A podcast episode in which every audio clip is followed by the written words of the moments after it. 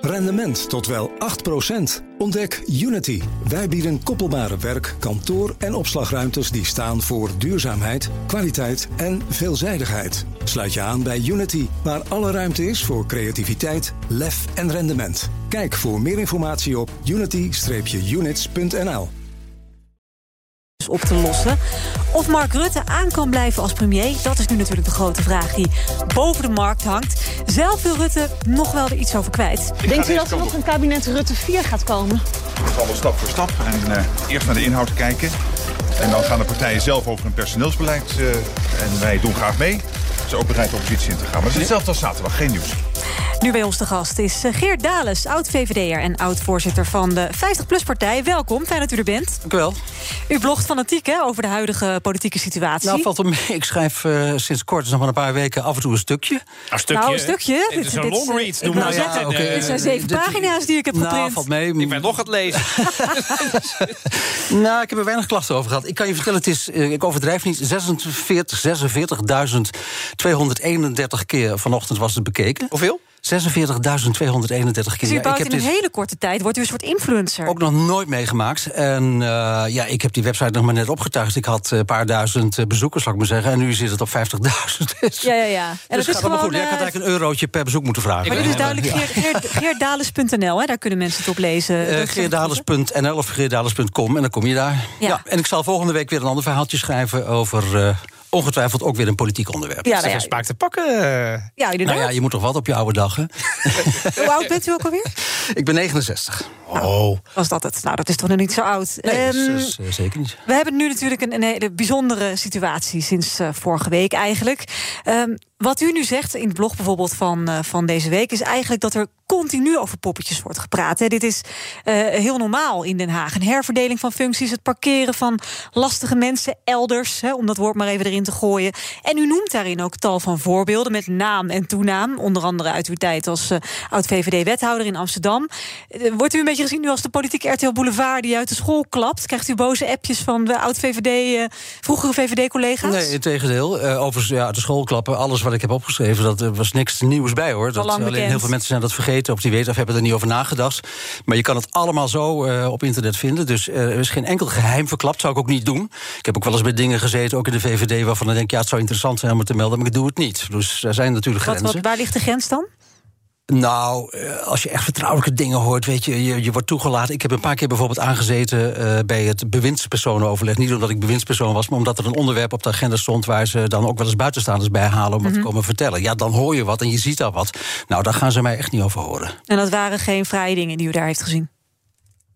Nee, dat was het punt niet. Maar daar heb ik wel bijzondere dingen gezien. Maar dat, daar, daar, daar ga ik dus niet over praten. Dat nee. snapt iedereen. Dat moet je niet doen. Er zijn, er zijn grenzen. Want dan word je ook natuurlijk nooit meer ergens uitgenodigd. Ja. Maar zo, zo, zo, zin als hey Geert, wanneer gooi je de keulen eruit? Annemarie ja. Jortsma, zeg nou, maar. dat was in een... Was, dat, dat, dat, staat u nog helder voor de geest. Maar Zeker. En, en, en, heel veel anderen, want daar stonden heel veel mensen bij... dus dat was geen besloten bijeenkomst of zo. Ik vond dat een wonderlijke opmerking, want wij zaten... Uh, We moeten even de context schetsen. Ja, ja, mensen die horen dit, die horen uh, dit waar gaat zat, het over? De VVD zat met GroenLinks in de coalitie in Amsterdam. En daar was met GroenLinks natuurlijk altijd wel uh, politiek gedoe. Dat was niet een hele, uh, geen perfect match, zou ik maar zeggen. Dus ja, uh, wij wilden ook wel van die GroenLinks zelf. Maar Annemarie Jorritsma, die minister van Economische Zaken en vicepremier was... en daar eigenlijk helemaal niets mee van doen had... die zei zo, reageert van, wanneer gooi je die, die, die GroenLinks is eruit? En ik dacht, wat een rare opmerking is dat. Ja, maar ze had een biertje in de hand, u ook, hè? Nou, ik vond het echt een gekke opmerking. En, en later, dat, ik heb er eigenlijk nooit meer over nagedacht. Maar toen dat gedoe kwam... Uh, met functie elders. En uh, gooi die omzicht eruit, hè, om maar even te zeggen. Zo hebben ze het niet gezegd, maar daar ja. kwam het uiteindelijk wel op neer. Toen schoot me dat ineens weer te binnen. En toen dacht ik, de vraag is, wie heeft dat nou eigenlijk opgebracht? En toen ik dat allemaal aan elkaar ging plakken... dacht nou, die niet en die wel. En dan krijg je een soort vingerafdruk, zou ik maar zeggen... van wie, wie was hier de dader? En toen dacht ik, nou, dat kan haast niet anders... dan dat het Annemarie Jorrisma geweest is. Nou, twee dagen later bleek dat ook inderdaad zo te zijn. Want zij was degene die dat idee van dat Kamervoorzitterschap voor omzicht had opgebracht. Nou, dat is echt toch wel functie elders. Ik kan zeggen, het is wel in het Kamergebouw. Maar het was toch wel bedoeld om die man op de een of andere manier te neutraliseren. Anders kan je het niet duiden. Hè? Dus, nee. En dat bleek zij te zijn. Dus ik geloof dat ik dat goed gezien had. Ja, nou heeft u dus een lange tijd meegelopen in en uh, om Den Haag, zou ik willen zeggen. Hoe uitzonderlijk vindt u de situatie die nu is ontstaan? Heel erg uitzonderlijk. Niet dat er een crisis is en politiek gedoe en, en, en gevecht om poppetjes en wat dan ook. Uh, of mensen die de macht willen vasthouden en hem verliezen. Dat hoort allemaal bij de politiek. Dat zien we vaker. Wat ik hier heel uniek aan vind, is dat uh, minister-president Rutte, Mark Rutte, die ik echt hoog heb en nog steeds hoor. Dus ik, ik geen twijfel over mogelijk dat een man van buitengewone kwaliteiten is. Die was nog maar een week geleden.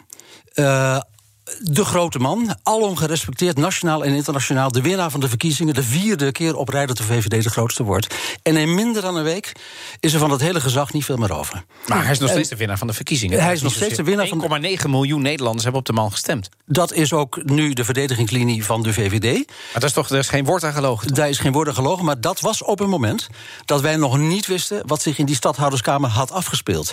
En het leidt geen twijfel dat als dat al eerder naar buiten was gekomen voor de verkiezingen, maar ja, toen was dit natuurlijk nog niet was nog niet begonnen, de formatie. Maar als we dat geweten hadden, uh, dan was die verkiezingsuitslag anders geweest. Ja, en dat hebben we ook gezien. meteen de zetels. Uh... Dat hebben we gezien in de peiling van Maurice de Hond van afgelopen ja. weekend. Zes zetels verlies en dat is nog maar het begin. Dus ik vind dat een, een, een beetje een zwakke verdedigingslinie van de VVD. Ik vind ook helemaal niet dat je het zo moet brengen. Van kijk eens, wij hebben dus de macht gewonnen. Want dan kom je er niet uit. Ja. Bent u eigenlijk nog VVD'er?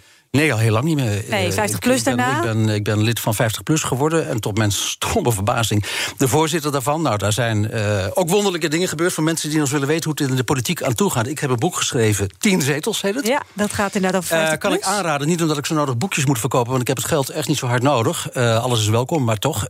maar dan kan je toch een beetje zien, denk ik... hoe gaat het er nou eigenlijk aan toe? In, in politiek daarna. In politiek waar, waar, bij welke partij zit u nu? Wat zegt u? Bij welke partij zit u nu? Ik ben volledig partijloos. Ja? Ja. Heeft u wel gestemd? Ik heb wel gestemd. Uh, ja, op wie? eerlijk zeggen? Ben ik, dan toch benieuwd ik, naar, ja. ik, heb, ik heb op een VVD'er gestemd. Toch een wel? VVD'er? Ik heb op een VVD'er gestemd. Niet, niet, niet, niet op de VVD, maar op een VVD'er. Iemand in wie ik enorm veel vertrouwen heb dat hij, hij is ook nu verlid van de fractie, ja. uh, in die partij en in die fractie, uh, maar ook in het land en in de Tweede Kamer, hele goede dingen gaat doen. Iemand die ik door en door vertrouw. Dus ik heb nu gekozen voor een persoon waarvan ik zeker weet dat zit helemaal snor. Dus Ja, ik heb het was dus niet Mark Rutte. Liane den Haan nog gesproken?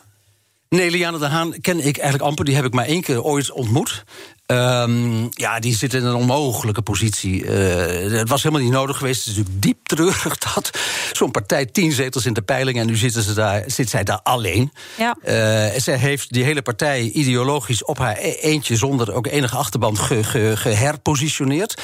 De oude de standpunten van 50PLUS, de hoofdpunten... eh, behoud van het pensioenstelsel, het beste ter wereld... zoals het altijd eh, genoemd werd, ook nog steeds over de Martin van Rooyen... het Eerste Kamerlid voor 50PLUS. En AOW, volledige AOW op 65. Die belangrijke punten, dat zijn de, de, de hoe heet dat? De core business van 50PLUS... ja. is overboord gegooid. Zonder enige discussie, dat is echt absurd. Dus er is ook helemaal geen reden meer om op die partij te stemmen. Is overigens ook niet gebeurd, want ze hebben dan wel een zetel gehaald... maar dat is natuurlijk volstrekt irrelevant geworden. Vind ik ontzettend jammer, het was niet nodig.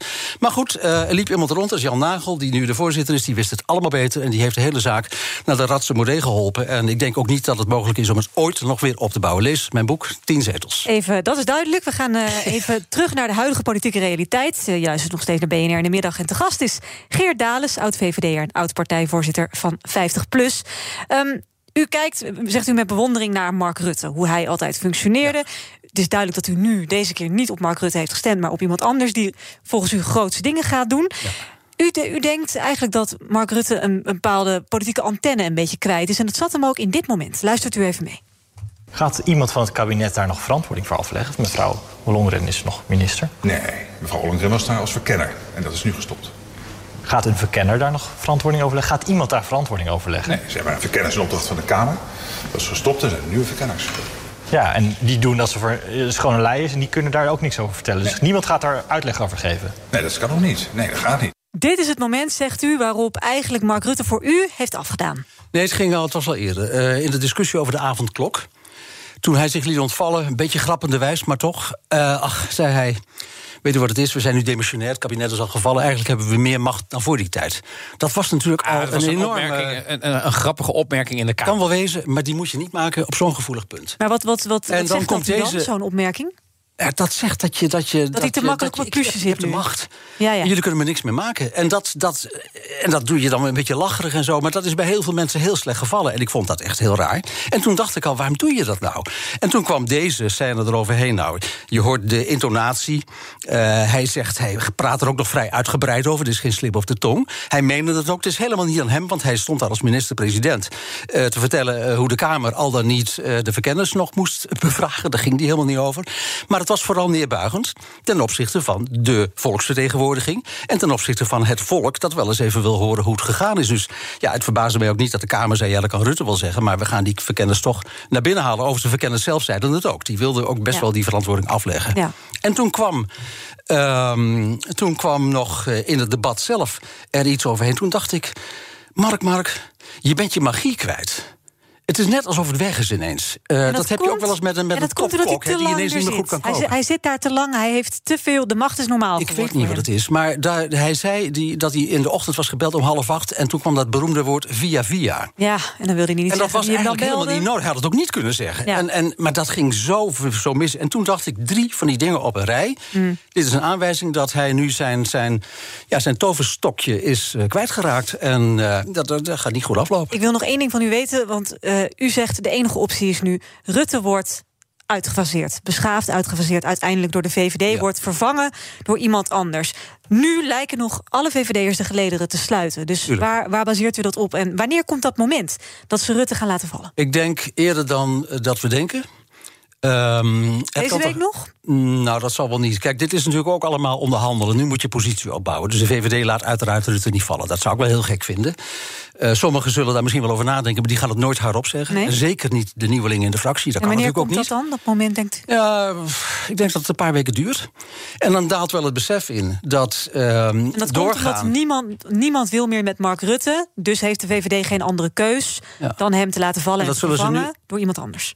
Uiteindelijk wel. En het zou toch ook te gek zijn dat, uh, dat het vasthouden aan Rutte ertoe zou leiden dat we naar nieuwe verkiezingen moeten. Dat gaat de VVD ook niet doen. Dat zou de partij ook enorm gaan beschadigen.